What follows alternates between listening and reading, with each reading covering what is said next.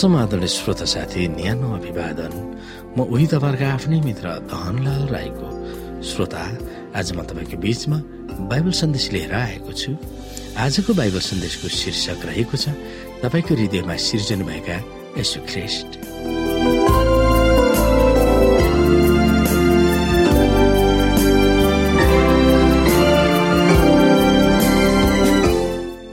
श्रोता साथी पावलले आफ्ना प्रार्थनामा विश्वासीहरूको निम्ति अनुरोध व्यक्त गरेका थिए। यहाँ दुई प्रार्थनाहरू उल्लेख गरिएका छन्।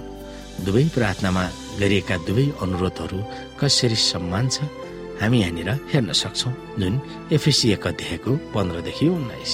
प्रभु प्रति रहेको तिमीहरूको विश्वास र सन्तहरूप्रति तिमीहरूका प्रेमको विषयमा मैले सुनेको कारण नै मेरो प्रार्थनामा तिमीहरूलाई सम्झना गर्दै तिमीहरूका निम्ति धन्यवाद दिन म थामिन्न। म प्रार्थना गरिरहन्छु कि हाम्रा प्रभु ख्रेसका परमेश्वर महिमाका पिताले तिमीहरूलाई उहाँको विषयको ज्ञानमा बुद्धि र प्रकाशको आत्मा दिउन्। म यो पनि प्रार्थना गर्दछु कि तिमीहरूको हृदयमा आँखा उज्यालो होस् र कुन आशाको निम्ति उहाँले तिमीहरूलाई बोलाउनु भएको छ र सन्तहरूमा उहाँको महिमित उत्तराधिकारको सम्पत्ति के हो सो तिमीहरूले जान्न सक।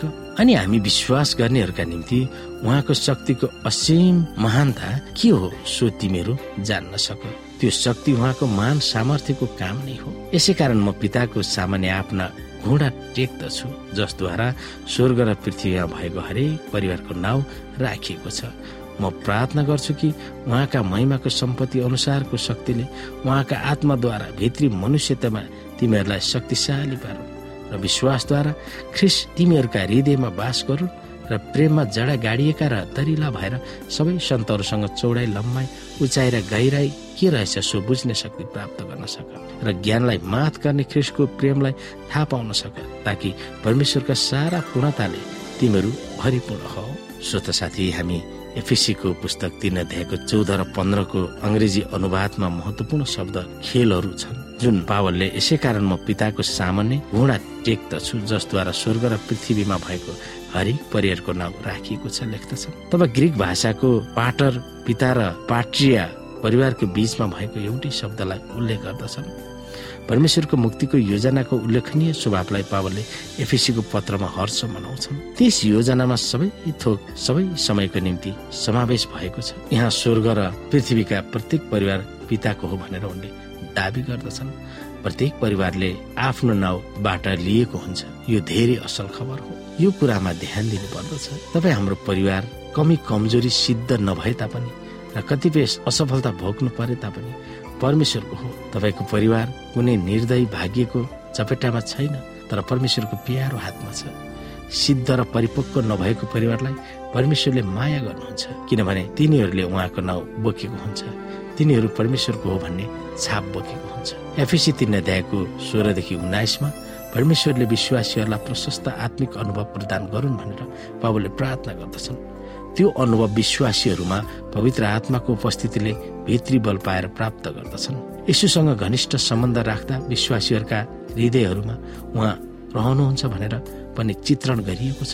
यस अनुभवमा विश्वासीहरू आत्मिक पहिचानमा सुरक्षित भएका हुन्छन् र तिनीहरू प्रेमको जगमा बाँचेको हुन्छन्। विश्वासीहरूलाई वृहत रूपमा आशिषहरू परमेश्वरले दिनुभएको परिवेशमा पावलले उहाँका आशिषहरूलाई ती मात्र होइन चार आयामहरू समावेश गर्दछन्। चौडाइ लम्बाइ उचाइ र गहिराई तर ती आयामहरूको पहिचान पावलले स्पष्ट रूपमा उल्लेख नगरे तापनि त्यसको विशाल आकारले के महत्वपूर्ण कुरालाई वर्णन गरेको हुनुपर्छ?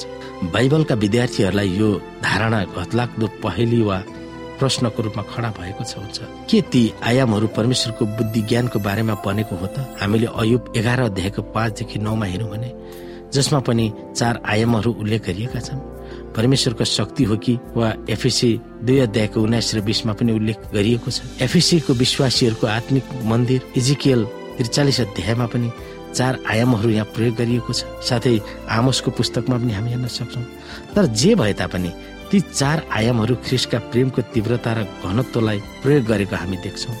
किनभने सन्तहरूसँग चौडाइ लम्बाइ उचाइ र गहिराई के रहेछ सो बुझ्ने शक्ति प्राप्त गर्न सक भनेको लगतै ख्रिसको प्रेमलाई थाहा पाउन सक भनेर उल्लेख गरिएको छ। यस सन्दर्भमा रोमी आठ अध्यायलाई पनि हामी हेर्न सक्छौँ। र यो हेर्नु उचित छ। कसले हामीलाई ख्रिसको प्रेमबाट अलग गर्ने?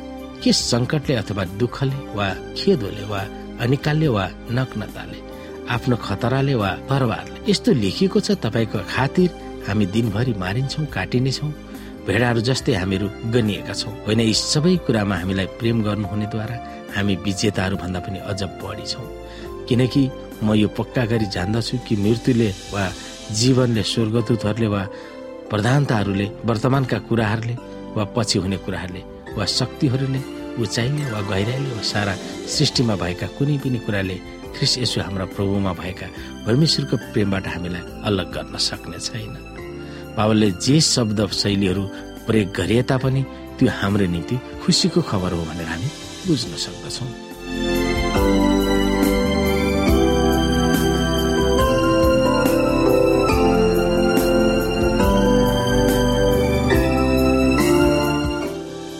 श्रोता साथी आजको लागि बाइबल सन्देश यति नै। हस्त नमस्ते जय मसिया